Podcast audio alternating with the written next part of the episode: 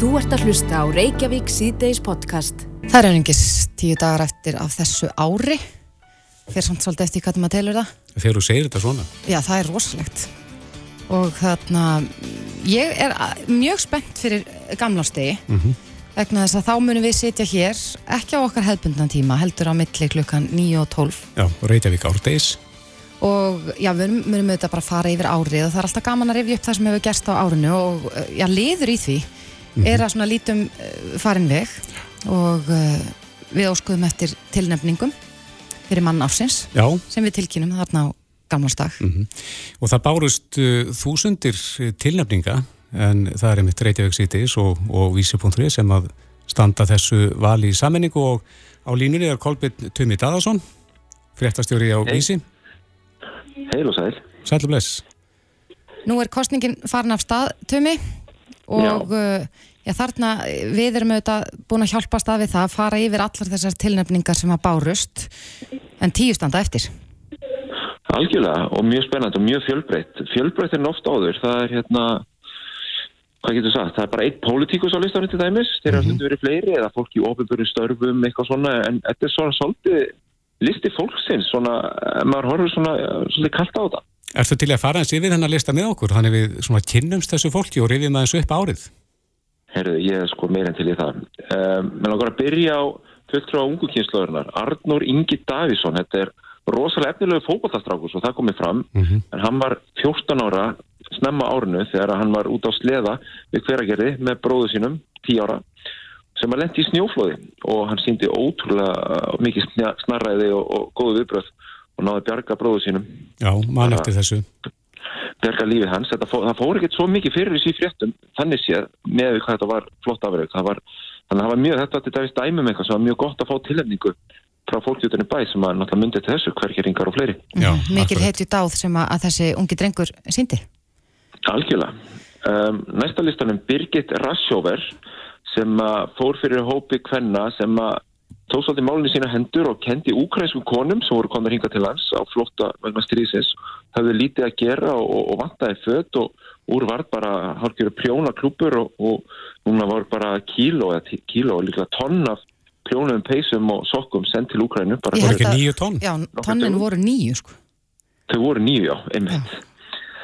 Þannig að aldeilis vel gert hjá Birgit og, og félagum Já Um, svo eru fleiri, fleiri á Suðurlandinu, ég veit að Kristófur var ána með þetta, Guðni Guðmundsson, bóndi á Þverlæk, mm -hmm. hefur sapnað 20 miljónur krónar með dósasöfnum í gegnum árin, hann er í rángávarvallasíslu og, og þetta hérna, þetta held ég að séu 17 ár sem hann hefur verið að týna, hann er bara röldin og týnir þetta upp. Með fram þjóðu við eitt fyrir ekki?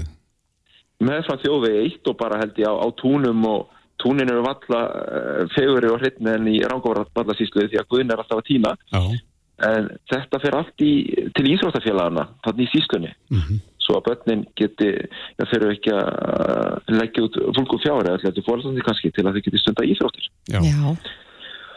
Þetta er frábært um, Svo er algjörlega, svo er eitthvað sem það kannski ekki að kynna já, vel því að það þekkja hann allir núna eftir svona síðustu tvö ár Haraldur Ingi Þorleifsson sem stendur fyrir verkefninu Römpum upp Ísland mm -hmm. hefur sömulegist aðstofað þólendur kynferðsópeldis en ég held að fólk með föllun takkar honum virkilega vel og stóð svo líka fyrir hansi flóttu verkefni hérna í Reykjadal í sumar, þessi römpu upp Reykjadal og sló upp meyslu. Akkurat, já, hann byrjiði þetta hérna í höfuborginni með verkefni römpum upp Reykjavík og færði svo út kvíarnar og er hreinlega bara að rampa upp allt landið. Heldur betur og, og síndi svo leiklistarhæfileika því að þeir guðinni fórsetið sett á svið eitthvað svona leiklátt þess að þeir allinu hækkuðu fjölda rampa úr var ekki úr 1500 í 2000 eða úr 1000 í 1500 það var eitthvað svona eitthvað leikþáttur í, í mjóttin eitthvað þar sem að þeir uh, eh, bröðarleik og, og gerðu góða hluti. Herðu, svo næst er Hrefna Þórensdóttir sem að hefur bakið aðtikli fyrir velunni störf sem forstuðu kona hinsegin félagsmiðstöðar samtakana 78 Já. og þarna eiga hinsegin börn örugt skjól og fá að vera þau sjálf og það reyna að rýndi inn tilendingum til hann hrefnu þannig að hún að snerti mörgkjörstu og hefur gert árni Já og þessi málefni hins eginn fólks hefur verið ofalega bauði þetta árið og hefur svona orðið pínu bakslagi í þeirri baróttu, finnst mörgum? Algjörlega, það, ma maður heyri það og, og það voru einmitt, einmitt börn, hins eginn börn sem að stiðu svolítið fram og, og lístu reynslu sinni og erfileikum á árinu og, og hérna, þannig að það er gaman að sjá að hrefna fekk margar tilmyngar. Já. Akkurat. Næsta lista? Já, næsta lista, sko, Björgunarsveitnar hafa stundu verið tilnendar svona í, í heild, en í dag er eitt sem stendur upp og Heiðar Jóhansson, Björgunarsveitamæður sem að sem að náði tvíhleipu eða má nota svoleiðis orðum svona alveglega hluti að því að hann á einum degi, ég held að það hefði í februar þá kemur hann konu til Bjarga sem hafi yfirgefið bílsinn í blindbil á Lingdalseiði og fann ekki bílsinn aftur og var búin að vera úti held í tvo klukkutíma þegar að hreitin heðar hafði upp á hann og svo daginn eftir áður hann við störf sem gröfum að það á þingvöllum í miklum snjó og þá fellur barn á leikskólaaldri niður í, hérna, í sprungu Já. og hreitin heðar náttúrulega vanur því að Bjarga maður það er gert á daginn áður, hann var náttúrulega ekki lengi að stökkun í sprungu og, og, og retta þessu barni þannig að Þannig er algjör hétt, já. Já, réttum aðra réttum stað og réttum tíma. Algjörlega. En svo er komið að eina eh, pólitíkusunum á þessum eh, lista, eini stjórnmálamæðurna þessu sinni. Ég held hún hefur örgleikt til að vera á þessum lista áður hjá okkur, Inga Sæland, mm -hmm. formar Flokks Fólksins. Og það, hún er náttúrulega sagt fyrir að standa vaktina og fyrir þá sem minna meða sín, þá eru það að tala um fátæka, öryrkja, eldri borgara. Og hún let til, til sín taka núna sérstaklega í desember þegar það voru umræðar á þinginum engreislu til örkja mm. og ég veit að margur, margur örkin eh, þakkar henni vel fyrir og hún vildi nú reyta meira, hún vildi líka engreislu til eldri borgara og, og hérna, en ég veit að þessi hópur hann, uh, með sko þessi stór hluti hans hugsaður hugsar vel til yngu og, og, og hún fikk margar tilnæðingar. Já, hún hefur líka beitt sér mikið fyrir sko dýravelferð á árinu lagði fram frumvarpum um bann við blóðmærahaldi og, og já, hefur verið kannski e, svolítið talsmaður þeirra sem ekki geta þjá sig. Algjörlega og svo næsta listanum er, er á söpjum stað, Steinun Átnádóttir, organist í Borganesi og hestakonna, hún, hún vakti aðtikli, svona steg fram og þótti mörgum svolítið hugra því að það hefði að greina vissu margir en, en þá er torðu að ræða ofinbærlega stæma meðferð á fossum í borgarferði og Steinin steg fram og, og var nú bara að taka myndir sjálf og var að laumibokast inn í, inn í hesthús og eða fyrir utan allan og, og kom upplýsingum að framfæri til fjölmjöla og þetta svona mörgum þótti matvalastóttin ekki var bröðist nógu vel við en, en neðakvall hennar leiti það mista til aðgerða. Það hefur verið bröðist við að, að með einhverjum hætti þarna. Það er búið að fjalla einhver, einhver hross og, og og mögulega verið gert meira og komið með þessi ljósa að, að minnst skoðast í fólk vil meina að sé ekki bara eitt með fyrir hossa, heldur fleiri dýra hérna á svæðinu, þannig að hún vakti miklu aðtikli og fekk margar til mjög mm -hmm. Næstur á listanum er, er, er kannski hetja sem að við þurftum öll að halda, á að halda þennan dag sem að umræðanum um sölun á Íslandsbanka var sem hæst. Algjörlega, þetta var náttúrulega bara eitthvað skemmtilegast að frétt því að æfuminni séð sko. Þegar Viljálmur Sigursson fastagestur á bensínkaffi við Grænsásvík ég hafði nú ekki heyrt um hennar stað fyrir en að Viljálmur uh, sagði sögu sína en, en þetta er náttúrulega hann vilji sem að óð fóbrotin inn í brennandi strætisvagn lagði reynda fyrst frá sér bjórdósina. Þetta er náttúrulega kostilegast að viðtala á sérs þar sem hann láði að hann vísaði held ég að með skoðast í Forrest Gump sko. Það er enginn sérst einhvern veginn uh, hann var að líka sjálfum sig við þegar Forrest Gump svona hljópa sér spelkuna Já. í frægu atriði. Mm -hmm. og hann gerir eftir saman þegar hann óþarn inn í stræðisvagnin og slökti eldin og, og leiti farþega út úr vagninum og, og hérna þetta er líka líkt uh, atbyrjunum við bíómið með Denzel Washington og ég held að það er með þess að nefnt þriðju kveikmið þarna í, í annars frekar stuttir í fríða. Já, Já, hann talaði um Equalizer og, og Denzel Washington og alls konar. Þetta var óborganlegt viðtal. Og það eiginlega, það sem ég fannst eitt af skemmtilegast að vita viðtal var þegar að sko manneskjan sem hann leitt út úr, nei, út úr vagninum var félagi hans. Já. já hann heitti félaga sinn inn í brennandi strætisvagni og leitt hann út, bjargaði honum. Þetta var eiginlega bara eins og það er ekki verið að skrifa þetta handrit á þessu, þessari uppákomi. Þannig að hann er samanlega hérna, hann fekk margar tilvöndingar og, og hérna, þannig að hann er í nýjönda sætálistanum. Og, og þá er bara einn eftir, já það er bara einn eftir og hérna, það er Þóran Ingi Ingarsson, þyrluflugstjóri sem að fór fyrir áhöfn þyrlu landhelgiskeslunar sem að bakkaði inn skutulsfjörð mm. núna bara í november held í örgla það var aftaka viður og það þurfti að sækja alvarlega veikan sjúkling á Ísafjörð og Þóran Ingi og hans fólk á áhöfn þyrlunar gerur sér lítið fyrir að bakka þannig og og ég veit að landhelgiskeslan hefur verið þarna, eða flugmennir hafa verið núna í, ég held ég, kjaradeil í þessi komið þrjú ár núna fyrir að reyna reyna að berjast fyrir, fyrir kjöru sínum. Einmitt. en það voru margir sem hugsaði til Tórin Singa og félagi þegar við vorum í tilnefningafasanum á, á núna sístu vikur. Einmitt og hann komið mitt í bítið og lísti þessu lið fyrir lið hvernig hann fór og þeir félagarnir fóru að þessa bakkaðnin fjörðin Einmitt, þetta var alveg mögnum lýsing. Við erum við að aðstæða En Já. Eh, til þess að fólk getur tekið þátt í að velja mannársins af þessum eh, tíu mannalista, hva, hvað gerir fólk? Herru, þá, það er ekki flókið, það gerir bara það sem gerir á hverjum degi, fólk fer bara inn á vísi mm -hmm. og það er nú bara þetta mest lesna fréttin, þetta er hérna, þegar við erum að spjalla núna, það er það eru 23.000 tæmlega búin að greiða atkvæði í kostningunni hér á, á fyrsta degi, Já, þannig að þetta er heila margir að hafa áhrif.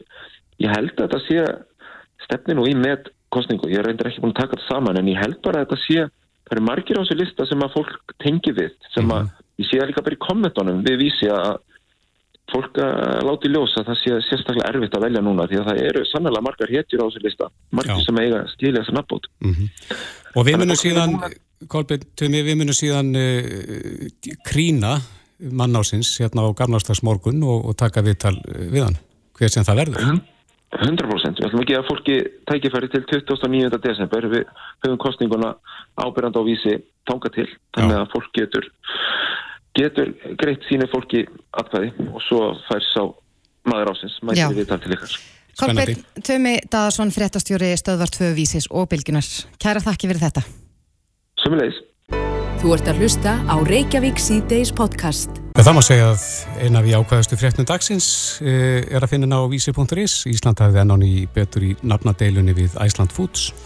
Já, þetta fór fyrir áfyririnu nefnd hugverkastofu Evrópusambandsins og við rættum þetta nú ekki fyrir svo lengur síðan og, og þá komumst við að því að þetta var fjölskypu nefnd. Þetta er mikilvægt mál ekki bara fyrir okkur, heldur mm. getur verið uh, greiðlega fordæmisgefandi ef að já, einhverja aðri myndir nú taka upp á því að, að skrá heiti landa sem vörumerki. Já, akkurat. En við allavega höfðum betur enn og ný, mm -hmm. en það er spurning er þessu máli lokið.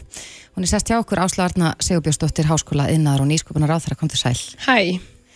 Er málunu lokið? Nei, því miður, ég myndi óskaðast að þetta verði lokað neðustöðan en það er ekki, verður ekki ljóst fyrir meðan februar um, sem Æsland keðjan hefur þá til að uh, vísa málunu til Evrópudómstólsins. Þannig að það er undir keðjunni komið hvort að málið haldi áfram eða ekki? Já, þetta er fullnaði segur fyrir okkur og eru þetta á fjölskypu hérna, áfrína nefnd sem hafnaði öllum kröfum vestlunarkæðinunar þannig að ég vonaði þetta að þau lesi þessa niðurstöðu og komist að því að það er engin þörf á því að, að vísa þessu til Európa-dómstólsins að því að niðurstöðan er mjög skýr og sem betur ferenda hefur okkur þótt þetta mál algjörlega farónlegt. Hvað hefur uh, máli kostað? Já, ég er nú ekki með þær tölur á reynu. Eh, Hver borgar brúsan? Hægt að taka það saman.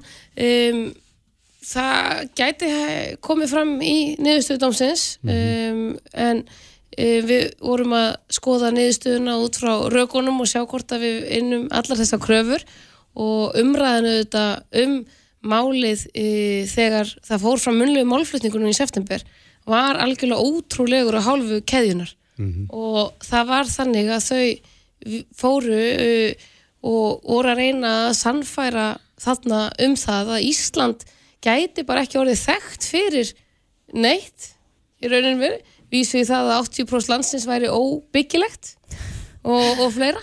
Og þetta var alveg afar uh, sérkennilegur málflutningur og eiginlega bara móðgandi um, þar sem þau voru að segja að e ekkert hérðan yrði nokkuð tíma þekkt. Þannig að þetta var bara löðrungur frá, frá Vestlunarkæðinni Já, mér fannst þetta mjög ómaglega að okkur vegið og bara auðvitað ránt en auðvelt að svara á sama tíma. Við eigum auðvitað stórkostleg fyrirtæki sem eru þekkt um allan heim og verða að geta notað Ísland þegar þau segja frá sinni vöru. Og Vestlunarkeðjan Breska var farin að agnúast út í það til dæmis um, þegar herrferðin Inspired by Iceland mm -hmm. á Íslandsstofu og var farin að agnúast og, uh, út í að við værum að nota okkar eigið landaheiti. Þannig að er það keðjan sjálf sem að hefur málið? Já, nei, við hefjum máli gegn þeim eftir að Já. þau fá engaleifi um, og við vinnum það á, á fyrsta stíi og síðan uh, er þau sem áfrýja málinu og halda áfram en það auðvitað uh, í fyrsta lægi að þau hafi fengið yfir höfuð engaleifi á uh, landaheiti er auðvitað mjög slemt fordæmi. En núna vonandi eru við að setja skýra línu og Ísland gæti verið hluti eða svona úrskurinn gæti haft áhrif á svona alþjóðlegan hugverkarétt. Og ánægilegt að Ísland sé svona leiðandi í þannig vegferð. Akkurat, en, en sko miða við já, þessi viðhorf sem að byrtast í þeirra málflutningi þarna fyrir áfrýðunemdini og uh, já, þetta er nú búið að taka langan tíma eh, er ekki bara frekar líklegt að þau muni áfrýja og halda áfram að, að, að pota í okkur með þessum hætti? Það er spurning og þá vonum við auðvitað að allt verði bara þegar þrennt er, eh, að við vinnum á öllum stigum og, og ég myndi nú, eh, ég er ekkit viss um að þau haldi áfram. Nei. Eiga er eitt séns eftir. Eitt Það eftir, er já. loka sénsin. Og hjá hverjum er, væri það mál? hjá Evrópudómstólum sjálfum.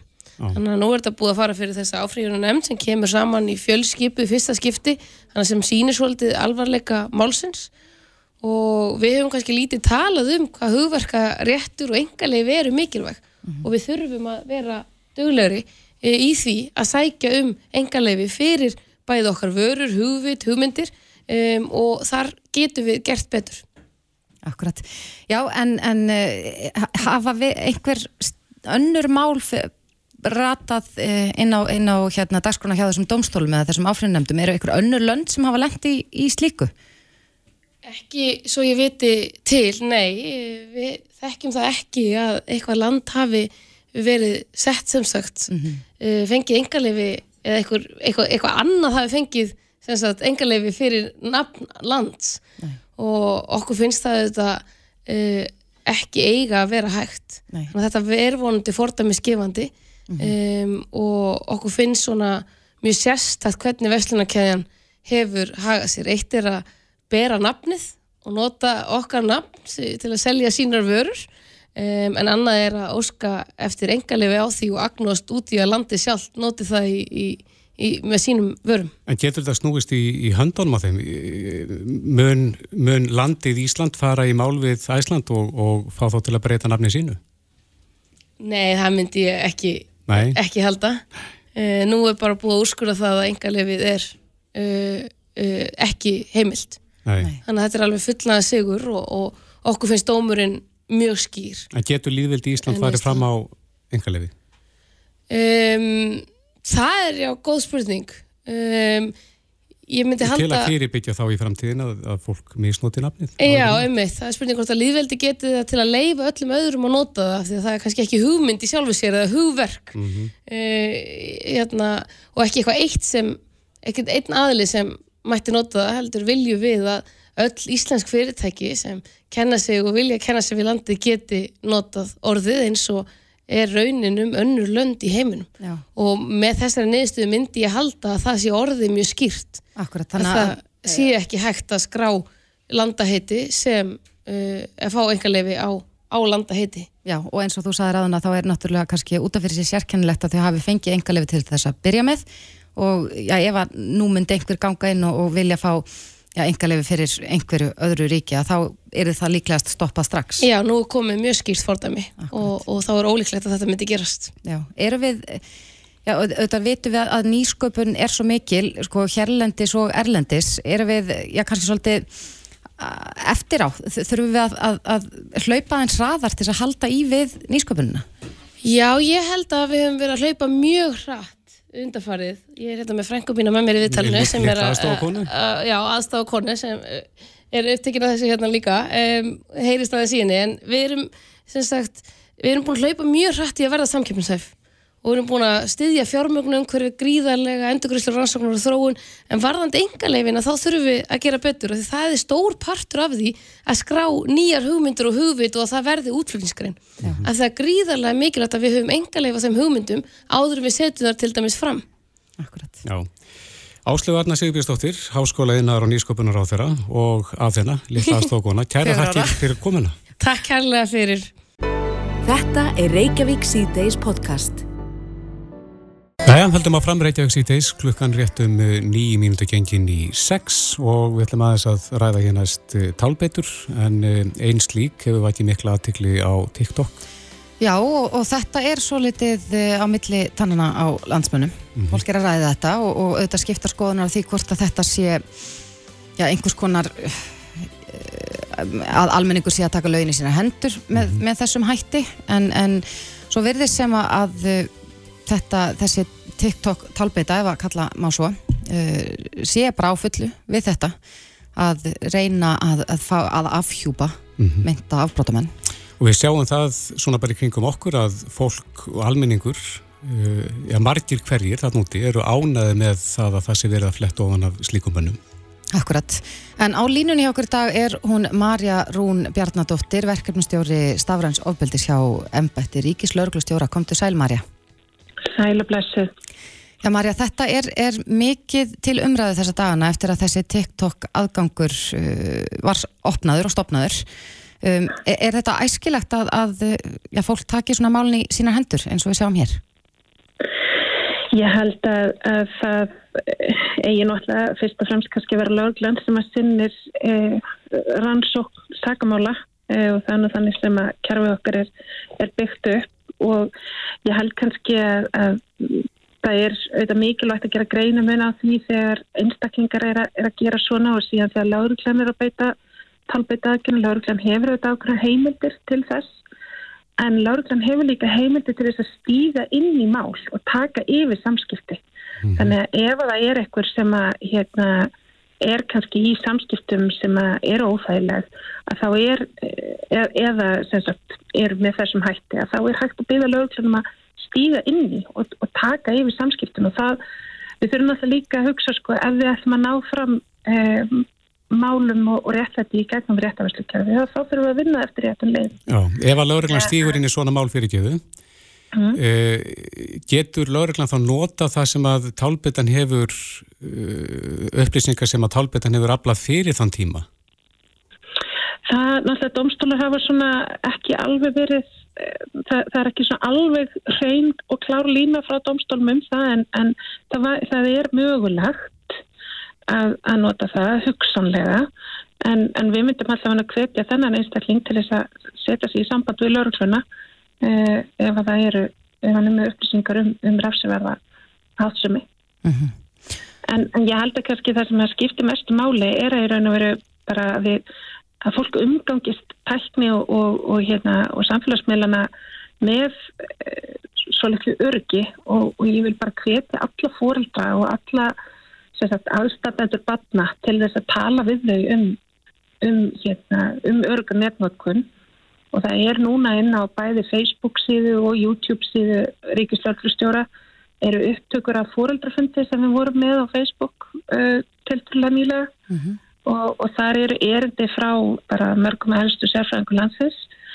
Og, og svo er á einni 2.reis alveg rosalega mikið af góðum upplýsingum um sérstaklega um öryggi á netinu og öryggi samskiptum og ég myndi vilja hvetja alla fóreldra til þess að kynna sig það Já, en maður sér, Marja, sko, af umræðinni, hvort sem það er í kommentakerfum eða aðtöðasamtakerfum eða inn á samfélagsmiðlum, að margir eru reynilega að, að hvetja viðkomandi sem, sem er, er að baki þessum TikTok aðgangi, hvetja hann áfram og, og þetta nýtur vinsælda. Er, er hægt á því að, að já, fleiri fara að taka upp þessi bröð?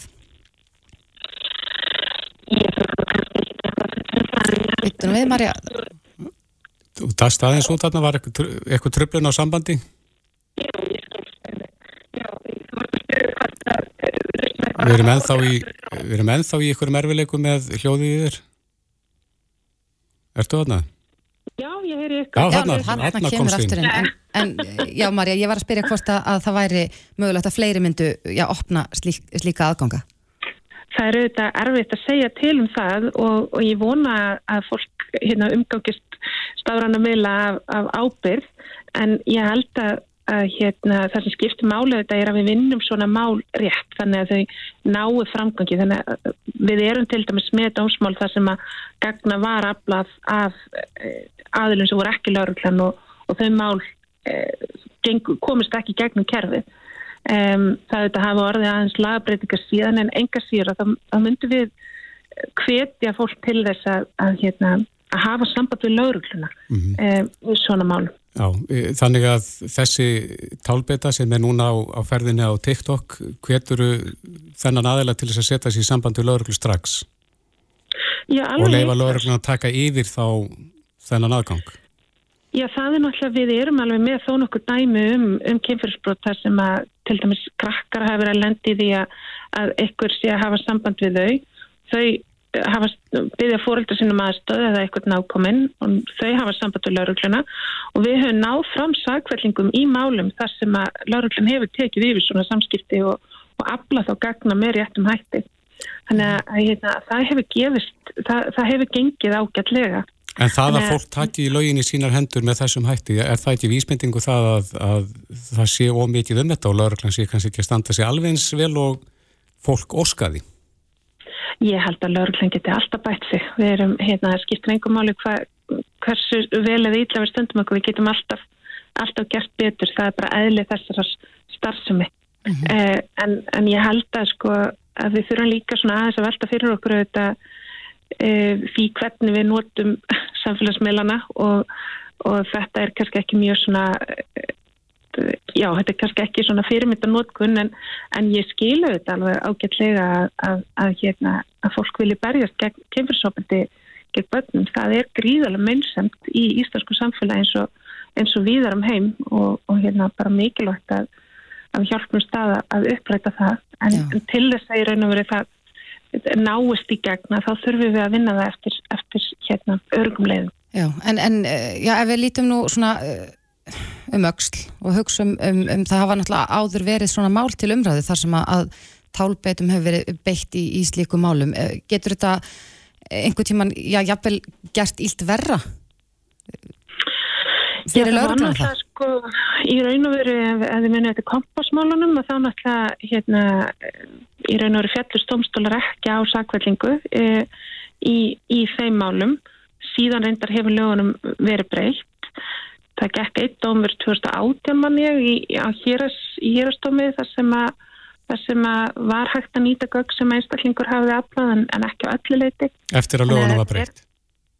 Já, en, mm -hmm. en það er ekki, þetta er ekki alveg svona reynd og skorið, þannig að, að hérna, við mælust til þess að, að, að það sé haft samband við laurugluna um að rannsaka sagamál, það er, það er hluturk lauruglunar en, en það eru þetta samfélagsmiðlar eru náttúrulega það verið að nota þá í alls konar tilgangi. Við erum að þetta sjá heilu byltingarnar spretta upp af, af notkunn samfélagsmiðla. Mm -hmm. uh, og, og, hérna, og þeir alveg eins og þeir eru vettvangir fyrir já, jafnvel ræfsverða háttsemi og, og neikvæða hluti að þá eru þeir auðvitað líka hérna, uppspretta fyrir í raun og veru kraft og frumkvæði mm -hmm. þannig að hérna, það er bara svo mikilvægt að við beinum þessu í uppbyggilegan og, og örugan farveg. Já, vegna þess að, að, að þú veit að hvetur, hvetur við komum til þess að hafa samband við laurugluna en það segir hér í, í frettin á mannlíf.ri sem fjallaði um þessi mál um daginn að, að forsvars aðili þessa TikTok aðgangs hafi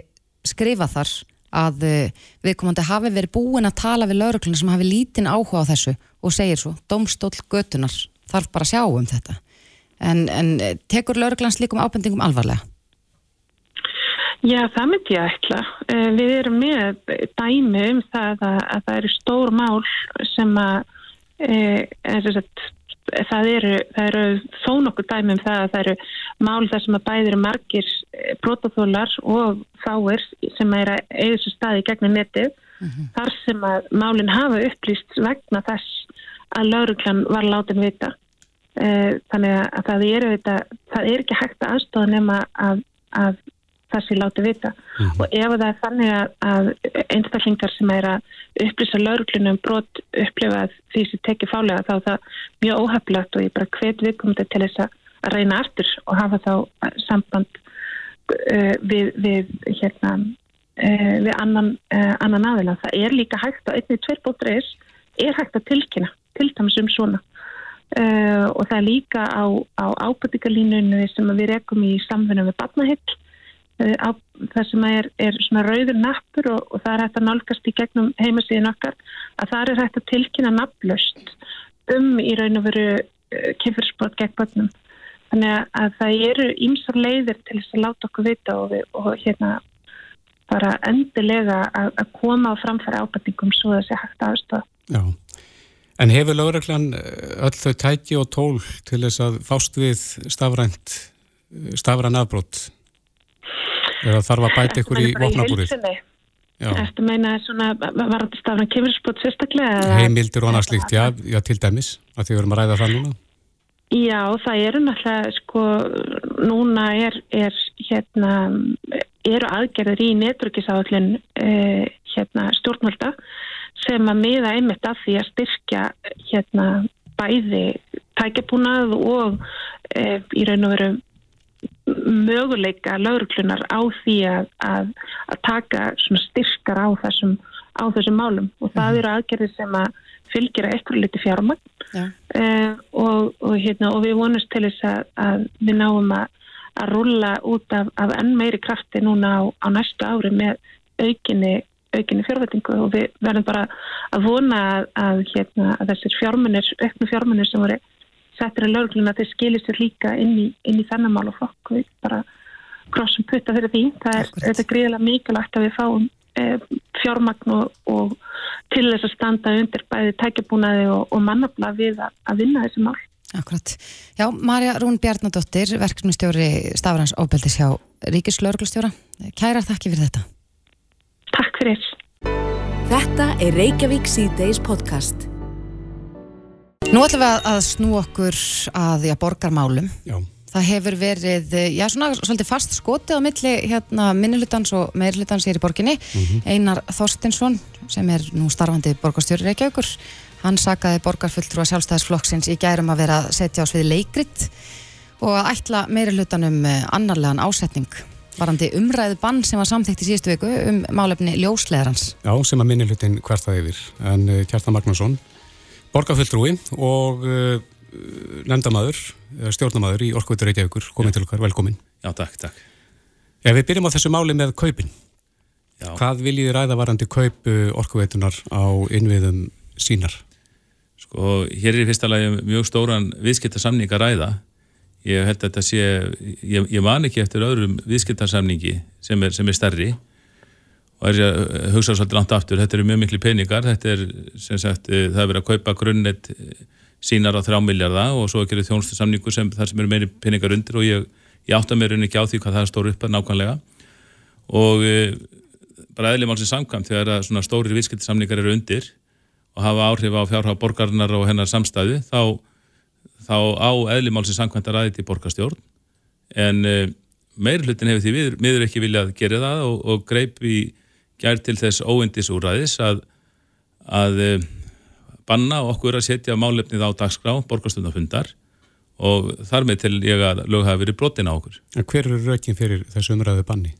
Eru viðkvæmar upplýsingar þarna? Já, já, þau, þau eru sem sagt þau að það, þetta séu viðkvæmar upplýsingar samningaðirar voru þangað til í gæri en þá í gangi milli, milli aðila og uh, það verður mjög mikilvægt að, að ljóstra ekki upp trúnar upplýsingum sem eru vissulega fyrir hendi. Ég hef, ég hef sem stjórnamæður í orkuveitinu síðustu þrjá mánuði fengið trúnar upplýsingar um þetta ég finnst að alls ekki, bara, alls ekki fengi fullnægandi upplýsingar til þess að reysa viðskipta ákvörðun á.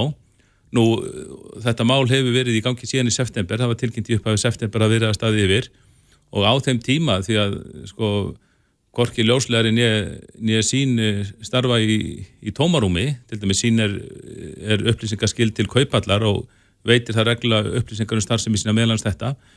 Þannig það hafa mjög miklar upplýsingar komið fram í málinu, ekki, ekki beinlinni snákamar tölur, sem, sem væri mjög öðvöldlega hægt að, að reysa pólitíska umráðu á.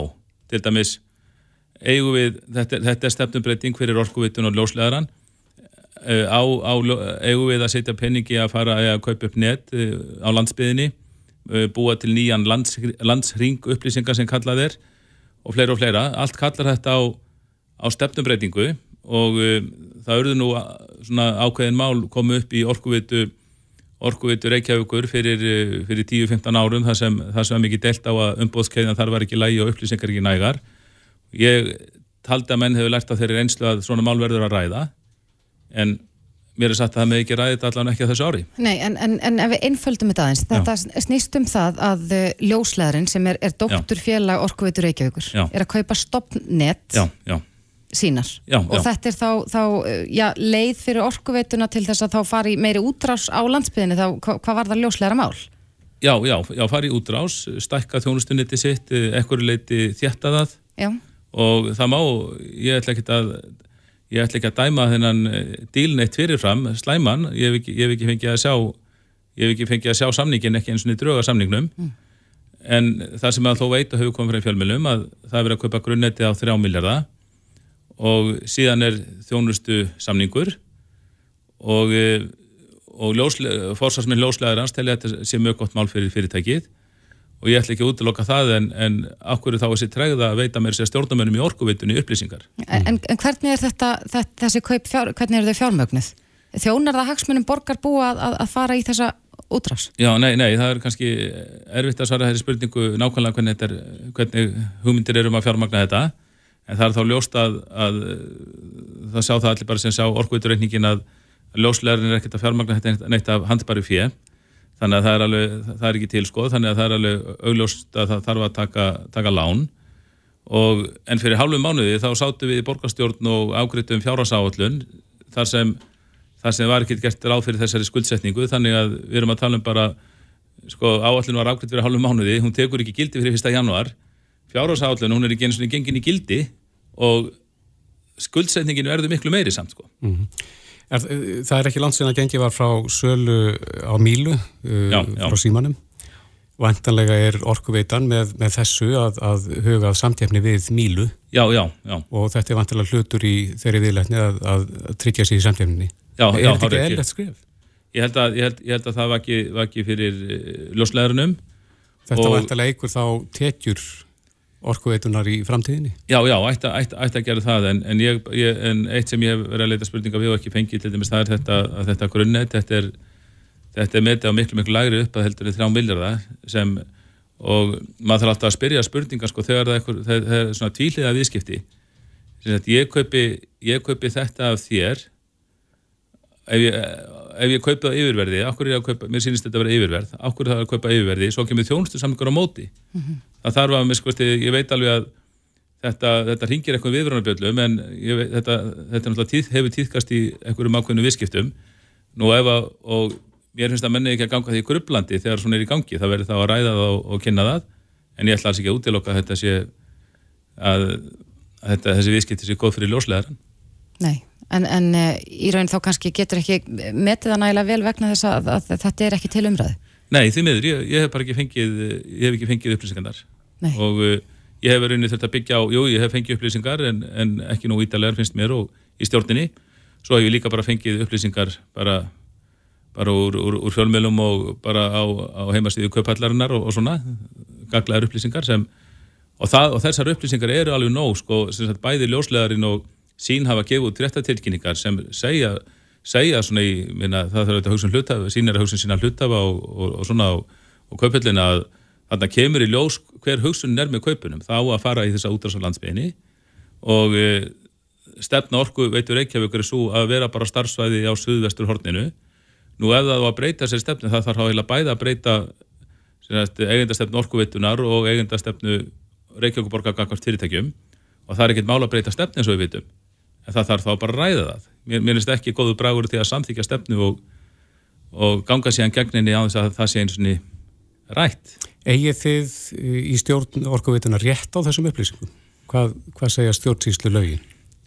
Já, já, það er góð spurning ég, ég tel að við ég tel að við eigum, eigum rétt á þeim en uh, en uh, ég nefndi nú í borgarstjórni gæra að, að sko borgarstjóri nei, uh, borgarlegum að var fengið til að gefa álit og mér skilst að hann hef ekki einu sinni fengið að sjá, sjá samningin sko sem að þurfti þó að reysa eitthvað liti álitið á. Og uh, já, já, þetta er sér að við höfum ekki farið, ekki farið í hart sko innsendingu enn í þannig en, en meiri hluti stjórnar orkuðutunar hann, og ég held að sá meiri hluti hafi ekki séð hennar samning heldur eða samningströg en ég vona nú að þegar að núna þegar að samningurinn er eh, undirritaður og fer núna til samkjöndis eftirlitsins þá vona ég á nýju ári þá fái stjórnamenn orkuveitunar, móðu fyrir ekki að sjá þetta þó að það sé svolítið seint ef það, kemur eitthvað ef það kemur eitthvað fram í samningu sem stjórnarminni orkuði sættir ekki við, þá er, þá er henni búið að skrifa undir hann. Já, en, en uh, það vakti aðtekli mín að í fréttum í gær var viðtal við Einar Þorstinsson þar sem hann, hann sakar eitthvað um, um leik, að vera að setja á lakinnar eitthvað leikrit en, en talar um að þarna hafi verið settur uh, sérstakur þverpólitískur rínihópur Já, um já, þetta mál. Já. En rínihópurinn hefur er ennað störfum. Hann er enn að störfum og ég, ég nefndi það einmitt sko í borgarstjórnin að sko þegar ég kemur í stjórn orkuveitunar í september þá var einmitt talað um þennan rínihóp það talað og þá, þá hafði stjórnin virtist þeirra skilning á því að, að borgarstjórn er að koma að málinu. Mm. þá var talað um þennan rínihóp síðan taðist að vonur viti að, að skipa rínihópin og draga hann saman. Það, lið, það liði þarna september og oktober og, og november og fyrsti fundu stýrihópsins var fyrsta desember og það var alveg ljóst að því þeir sem eru í stýrihópnum eru ekkit sérfræðingar í fjarskiptarekstri það var alveg augljóst að þegar maður bóðar fundi í stýrihópi um þetta svona stort mál fyrsta, fyrsta desember hann myndi aldrei ná að ljúka störfum fyrir 15. desember þegar að, þegar að frestun er hann út Akkurat. Já, um, við fylgjumst þetta bara áfram með þessu máli þetta Já. er uh, ekki allt kvöld komið til grafa þarna, eða hvað? Nei, alls ekki, ég held að þetta ég, það áttur að fella miklu meira þetta og ég vona þetta sé bara ekki á flóki fyrir hlustundur Kjartan Magnússon, borgarfulltrúi og stjórnamaður í Orkuveitu Reykjavíkur. Kæra þakki fyrir þetta og gleðileg jól. sem leiðis, gleðilega hátíð Reykjavík síðdeis á Bilginni podcast. Jæja, eins og við erum búin að segja nokkur sem í dag þá eru þrýr dagar til jóla og í gær fengum við nú til okkar hann Albert Eiríksson og vorum að tala um svona jólahefðir og jólamat og samkvæmt nýri könnun, könnun frá maskinu og þá ætla 42% landsmanna að hafa hamburgarrygg á mm. bóðstólnum á aðfangadagskvöld. En uh, svo tala hefur lækkað eitthvað eða ekki?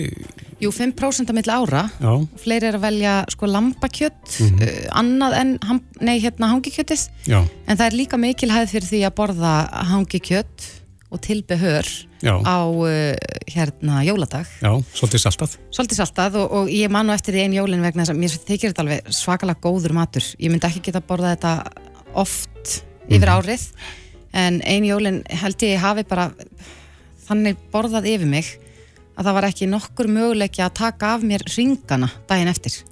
Já, vegna þess að, að fing, sko, ég var með svo þrútna fingur líklegast út af öllu þessu reykta og saltaða einmitt. En það er spurning, hvernig getum við eh, já, á ábyrgan hátt borðað jólamatinn? Já, þannig við borðum okkur ekki til óbúta. Nei, hann er sestur hjá okkur Geir Gunnar Markusson, uh, næringafræðingur á helsustofnunni í hveragerði, kom til sæll Takk, takk fyrir að taka á móti mér. Já, bara gaman að fá þig.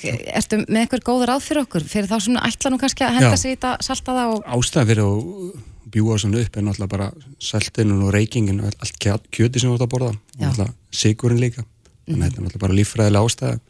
Og mættum vera duglegar að drekka vatn. Ég veit að það er ekkit mjög sexy að hafa vatn en það mætti vera sóta vatn eða eitthvað skemmtilegt vatn líka á borðum. Þannig að við erum fljótar að skóla saltinu. já, já, aðeins að bæta vatnin og kerfi líka. Já, og svo kemur þetta auðvitað skömmtón líka. Þetta er reyndar ekki matur sem oft með á borðunum en getur við aðeins hamið okkur í átinu. Að njóta þessa góða mata sem við erum að ekki að borða það oft og svo má líka reyna að velja kjöti það er byrjuð upp á léttryktar á hana þannig að það er ekki alveg að farið breymsalt eða þannig er að passa á það að þetta sé ekki það allra saltasta eða reyktasta reyna kannski Já. að velja svolítið þannig er íslenska kranavatni besta svarið þá við þessum Ég reykta segja það, að hafa það einhver flottir jólakönnu þarna með sko. Það er mikið að gera á landsbytalan og hjarta, hjartadeildin á jóladag eftir jólamáltíðarnar, hangi kjötið og hambúrgarrikinn deginum áður þannig þetta er alveg, Þetta kerir blóðþrýstingin upp. já, alveg bara í hæstu hæði sko. Þetta sem hún var að lýsa þarna við ringin, blóðþyrstingur líkorinn hár og annað, fólk með undirleikindi hjartasjúkdóma, þetta er nú alveg klálega að vera duglegt í vatninu sko. En getur maður verið með einhvers konar fyrirbyggjandi aðgerið? Núna eh, ættum við, þetta öll að vera ég duglega að drekka vatn alla daga, ekki bara á jólunum. nei, nei, nei. En ef maður er búin að vera svakalega duglegur hérna á Þorlagsmessu að Mm. drekka vatn, Já, já. Ge getur það komið það er til alveg góðs bara daginn mjög eftir? gott, ég minna að byrja aðfangadaginn og einu tegum góðum vasklösum og bara vera svolítið að djúsa sig vel í vatni við daginn getur hjálpað vel sko þannig að það, það ætti alveg að geta hjálpað það Þorlagsmessa er nær okkur í tíma. já, mjög, bara Þá ekki eru morgun heldur margir, inn já, sumir sem að eh, fara í kjæsta skötu. já. Hvernig er hún svona næringalega séð? þetta er nú bara fiskur sem er að byrja að brotna svolítið niður bara Styrkir þetta okkur? ha? Er, er þetta gott fyrir kerfið? Ég veit ekki hotlust áhrifina af þessari kæsingu sko, nema bara fiskurinn er brótneríkur og jóðuríkur og annað og en við borðum almennt ekkert skötu sko, þannig hefðin er svolítið skemmtilega að reyna aðvendan er svona jólafasta. Við eigum að vera fasta sem við reynda gerum engin á okkur, við erum í jólalagborum eitthvað en, mm -hmm. og svo svona lett, lettur fiskmóldi á þeirrin jóla kjötmóldi hérna að koma hann aðfangadegi þannig að hefðin er hann að vera í góðri kjötmóldi degin máður mm -hmm. og svo var þetta svona afgangsfiskur hann að vestan, þetta var svona síðri gæðum búin að vera gemdu lengi þannig að þar kom skatan, en við borðum almennt ekkert skut á Íslandinu en maður þarna í kringum þorlákin sko Akkurat, en, en eh, já, við erum auðvitað ekki bara að borða jólasteikina Nei. við erum oftast með meðlæti og, já, já. og, og sömur eru nú bara kannski í, í hérna eh, brúnuðu kartablunum með sem er auðvitað mikill sigur og rjómi og alls konar og, og mættu við vera duglega að blanda við eitthvað svona fersku á, á Alveg klálega, búið til flott fersk salat með það er bara eitthvað hátíðar salat gert úr, úr fersku gremmiti alveg með flottum litum við sem erum endilega mm -hmm. kannski Albert sem var hjá okkur gerð verið fróðarið því að koma eitthvað góða svona feska uppskrita, góðu gremmiti en það er eitthvað sem mætti virkilega nota meira með. Og notum svolítið meðlæti líka mínu heimilegur um valdórsalat, jú það er eitthvað rómið það líka svo sem en að nota meðlæti þetta sé ekki bara kjöt og kartablur og, og sósa yfir þannig að hafa gremmiti með líka mhm. þessi áhrif að þessu salti og reykta sko. mm -hmm. það svona, dreifir svo svolítið á diskin Já, þú voru að nefna það varasamasta matin sem við erum að setja ofan í okkur á þessum tíma Ég vil eiginlega ekki, þetta eru jólin og ég, það er ekkert eitra, ég menna það er ekkert sem ég myndi segja stein dræp okkur þannig að Nei. Þetta er eins og ég ofta spurðu hvað er hotlast áfengi, það er ekkert holt við áfengi, eitthvað er að drekka skinny bits, bara vodka og vatn, það er eitthvað heilsusamlega, ég held að þeir séu nú bara að fara á fyllir í að reyna að djúsa sig vel eitthvað neini, þannig að jú bjóring geti fita meira heldur en skinny bits eitthvað, ég, og jóli núna, þetta er ein helgi og það skiptir eiginlega voða litlu máli hvað þið borðið. Það eini 362 dagarnir eru svolítið mikilvægur heldur en þessi eina helgi sko. Þannig ég skiptir ekki mál eitthvað að borða melli jól og nýjás heldur nýjás og jóla svona, en við kunnum að fara aftur upp úr jólunum. Mm -hmm. að januar er á mánudegi ef að græði okkur að stað þá og eru erfið mánudagur en bara nýja árið er byrjað og ekki að festa þessi jólunum. Já þannig við þurfum kannski ekki að vera hörð við okkur yfir þennan sko styrta tíma sem að hátíðarnar eru. Nei og það er engin matu sem er eitthvað.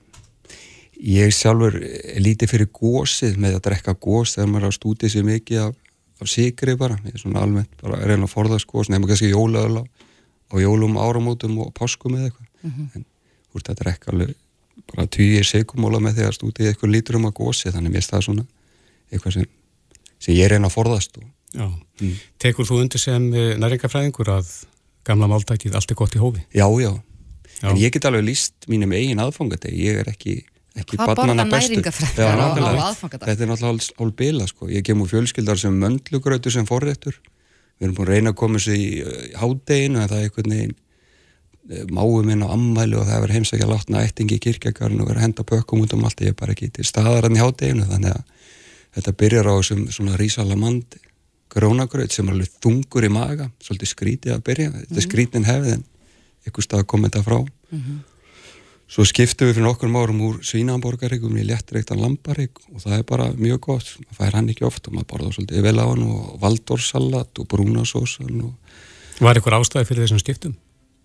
Já, bara okkur langaði að prófa og svolítið sem svo, þið lýsið þarna og finna svona áhrifin svolítið mikið bjúa þetta einn eftir, okkur langaði að prófa meira, maður borða ekki svolítið vel á þess að það var léttreikt og okkur fannst það að vera betur í, okkur fannst það bara góður sko. Mm -hmm. Lampi finnst mér almennt, með allir verið ykkur svínabændum finnst mér skemmtilegra kjöt og, og það er allt meðlæti með þessu sko. og þetta er ekki búið sko. ég er rétt að byrja við höfum mínúti til stefnu sko, svo er það hérna eh, seritröfli á mömmu í eftir eh, toplur á nýsinn sem konan gerir og svo kemur mamma kannski og þá er heitt sukuladi og eitthvað smáköku með, þetta er bilun sko. Þannig ég er ekki barnana bestur, þetta er eitt dagur ári. Já, þetta er eitt dagur ári, mm. þar sem maður getur leitt sér. En vatnið, líkillin að því að, að allavega mingar skadan. Já, svolítið einfalt ráð, vatniböndin. Akkurat. Mm. Já, vatnið er allra meina bót. Geir Gunnar Markusson, uh, næringafræðingur á heilsugstofnunni í hveragerði. Kæra þakki fyrir komuna og gleðilega háttíð. Takk, takk, gleðilega háttíð sem leðist, takk. Hlustaðu hvena sem er á Reykjavík C-Days podcast. Það hafa verið mikla frosthörkur uh, undarfarið, svona á okkar mæli hverja kannski. Já, undanfarnar daga hefur verið alveg rosalega kallt, kannski, Já. já, var fínt í dag samt, hvað, hvað, rétt yfir rétt undir frostmarki Mhm. þegar ég var nú uh, að keira í dag en ég sá, ég var að keira á sandstíðinu daginn og þar sá ég töluna 17 í mínus. það er rosalega kallt auðvitað sjáum við alveg svona tölur sko, einhver staðar Mhm. um, yfir vetratíman en, en það er ekki kannski hefðbundið að, að við séum að, að ja, dansa við tveggjast af tölur frosttölur. Og ég sett inn á fjörsbókjana mínu daginn eh, mynd sem ég tók af veðustöðinu heimi af mér Mhm. þar sem að uh, sem sagt veðustöðin síndi ákveðin ákveðna frostöl, ég man ekki hvað hann var kringu 6 gráður eða eitthvað svoleiðis Akkurat. En svo þegar var búið að taka inn í þetta vindkælingun á rakan Mhm. að þá var talan komin upp í 14 gráður Já og þetta er, ég þarf nú eiginlega bara að sletta vegna þess að ég veit ekki neitt íslenskt heiti á, á nákvæmlega þessu fyrirbæri en það er oft talað um sko feels like mm þannig að þó að sé, já tvekja uh, stega frost Já, að þá er, er vindkælingin bætist við og, og, og þá er manni sagt hvernig, hvernig raun uh, manni mun líða Mhm. úti En hvernig það skellur á húðinni Já. Já. og bara talandi um þetta að þá var ég bara núna að henda mér inn á eina uh, bandaríska uh, síðu þar sem ég Mhm. fletti bara upp Reykjavík. Það stendur að, að það er mínus ein gráð áti en, en þetta feels like Mhm. mínus 11 Já, þetta er bara allt að tala. Allt önnur En, tala. en af hverju notar til dæmis veðustofan ekki þessa tölur eða, eða lætur okkur vita af því hver vindkælingi geti orðið? Já, það er spurning, en við erum með hann á línunni í dag, hann Sigga nokkur storm, kom til sæl. Komið er nú sæl og blessa. Já, Siggi, hvers vegna fáum við ekki svona rauntölur um hvernig manni myndi líða úti miða við þær aðstæður sem eru? E, það má eiginlega segja að, að e, þetta er nú kannski ekki alveg eins einfalt eins og mann kannski halda. Mm. En e, málið er það að þetta var hannað, þetta búið að til síðan fyrir 1940, fyrir setni heimstöðar. Og uh, þá uh, fyrst og fremst og þá var á söðurskautinu þar sem að rannsóknarlegangur var að, var að, að, að uh, finna út úr því hvað svo hættulegt væri að, eða mikil hætta á kuðli eða menn myndi, kela Mhm. og, og það sem að þeir gerðu, þeir, þeir settu bara vatn í, í, í, í bolla og settu bollan við hliðin á, á vindræðamælinum og, og síðan byggðu og, og þá að þetta var frosið og, og þá sáu þeir eh, hvernig, hvernig þetta kóluna hversu hrætt matnið í bollan sem sagt fröðs og það úr því var síðan eh, til ákveðin jafna sem er enda ég ætla nú ekki að fara að þylja hér en það hefur það enga tilgang Þannig að vatni fröys uh, fyrr ef að það var ykkur vindur. Já, það er það akkurat og, náttúrulega var, þetta var háð upp á sýta þetta, náttúrulega, hvað, var- var heitt eða það var látið út Mhm. en, sí- en, en aðalega menn, já, tókur hraðan á því hversu, hversu tatt vatnið, vatnið fröys og en þetta, þetta þessi jafna, hún er sjálfsög ekki notuð lengur en, en En þetta er, má segja, ástæðan fyrir að við erum ekki að nota þetta er fyrst og fremst kannski það að hér hjá okkur verða ekki þessi fimpelkuldar eins og verða á uh, sko, söðurskautinu í Kanada, Bandaríkjónum, uh, jafnvel í Breitlandi og, og það hefur lengi vel verið þannig að, að eh, þar sem að veður aðstæður eru þannig að hægt er við að, að maður geti kalið að, að, að eh, snögg eh, kalið að, að það sem að kælingin orðin svo hröð að, að þú getur fengið uh, kal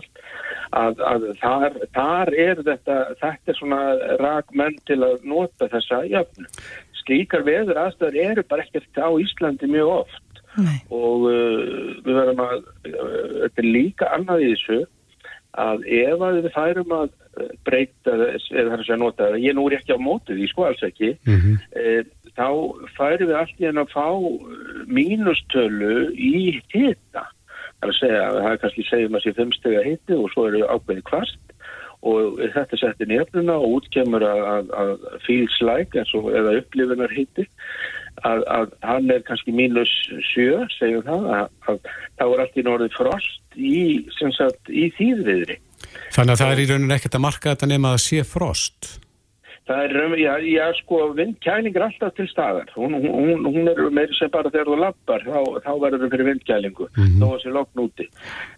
En, en, en, en upphafið má rekja til þess að, að menn voru að varast, reyna, hvað væri lífsættilegt veður, raunverulega, sko. Já. Því að, því að þegar þú komin með mjög mikla vindkælingu inn í, inn í þetta og farin að, að upp, upplifa það að, að það geti frosið mjög snögglega að uh, þá ertu komið með lífsættilegt veður bara vegna frost það, eða kælingi kælir hafa og, og, og það eru veð, veðurlag sem við erum ekki, ekki svo mikið vöðin hér. Nei, hins vegar hefur, hefur síðustu, það er ekki fyrir árið 2001 sem að uh, menn fóru, uh, það var handir ástefna meðal, meðal uh, veðurfræði stofnunarinnar og uh, Kanadamenn leittu þá, þá, þá þann fund og þar var eiginlega orðið við þeirri kröfu að reyna að koma upp einhverju einni formúlu fyrir meira og minna uh, flest svæði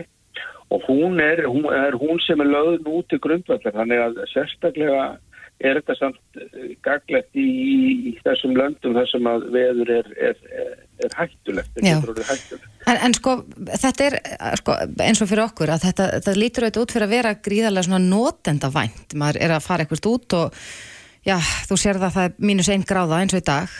En, en svo er, er vindkælingin tekin inn í mínus 11, ég hugsa að ég myndi náttúrulega skella mér í eitt auka lag af, af ullarklæðum innanundir ef að, ef að ég myndi nú vita þetta Já, veistu að, að, að þetta er bara alveg rétt hjá þér og, og kannski er komið að því að, að eh, eins og við upplifðum uh, desembermánuð sem mjög eh, var talsveit fróstreindar var vindur mjög hægur en það er alltaf einhver útgæslun og, og, og, og vindkæling er alltaf einhver. Ég finna með löpum á cirka svona 1,5 uh, eða svona tæflag 2 metrar á sekundu hraða.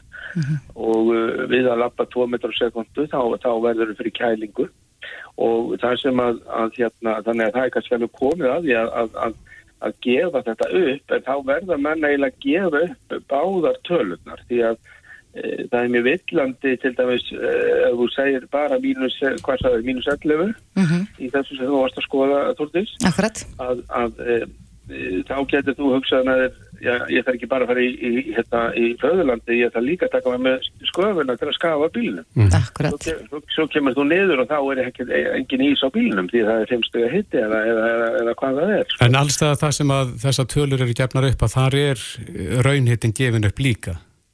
Já, hann er vennilega alltaf settur fram fyrst sko og svo hitt eh, á þessum svona notendavænu vefsíðum er, er fylgslæk hittin eða, eða upplifunar hittin hann er gefin upp eh, svona sem svona tala í hotinu eitthvað eh, svona cirka en, en uh, hún er hún er mjög mikilvæg við vissar aðstæður en, Já, það var til dæmis um helgina setji fyrir tjóða, þá var mikið frost og það var bálkvast eins og við, við þekkjum. Já. Þannig að, Það þannig að það hefði kannski verið ágætt að fá, fá þá tölu líka í, í þessu mikla kvassviðri. Það, það hefði alveg verið full ástæð til þess, til þess að, að, að menn áttuðu sig á alvarleika veðursins. En, en að móti maður segja að þú getur ruggla menn í rýminu skilur og, og vilju við það, það er, þetta er alltaf spurning uh, svolítið um það að, að, að, að vera að mæla frost í, í þýðu. En, en eða vera að gefa frosttölu í þýðu. Og, og, en, en, en á hinbóin sko uh, þá má segja að, að þetta er ekkert mál að gera þetta. En flest lönd voru lengi vel bara með sína jöfnu. Gretar voru með sína jöfnu, Kanadamenn voru með sína jöfnu Já, ei, og, bandaríkjaman sína en, en síðan frá 2001 og þessari öll sem sagt Mhm. þá er komin svona bærileg jafna sem að hægt er að nýta eh, svona tokkalega eh, skulum við segja fyrir, fyrir Íslandi í því veðri sem við þekk- þekktum um helgina er en er, er ómögulegt ef að hittin, raunhittin úti er segjum bara 2 gráður og það er bara uh, 10 metrar á sekundu vindurinn, Já. getur ekkert frosið í þeirri vindkælingu, þar að segja myndast ekki frost. Nei, það myndast ekki frost meðan að, meðan að loftutin er yfir frostmarki. Það er að segja, þá er ég að tala um náttúrulega vatn. Mm. -hmm. hún, hún frýs ekki fyrir að við erum komin á 0 gráður Celsius. Já, akkurat. Og, og hérna... eh, Þannig að vindkælingi býr ekki til frost úr hita. Nei, hún býr ekki Nei. til frost og hita en hún hraðar því að þú kólnir eh, og það, það er sem sagt vindkælingin, hún, þú ert að fá nýtt og nýtt loft í andlitið og þú ert á ferðinni sjálfur og, og, og, og, og þannig má segja að, að þetta hafi ef ef að segja þetta, þetta, þetta hefur þetta er, er gaggsem í þessu en Mhm. það verður að taka þetta með, með miklum fyrirvara Akkurat.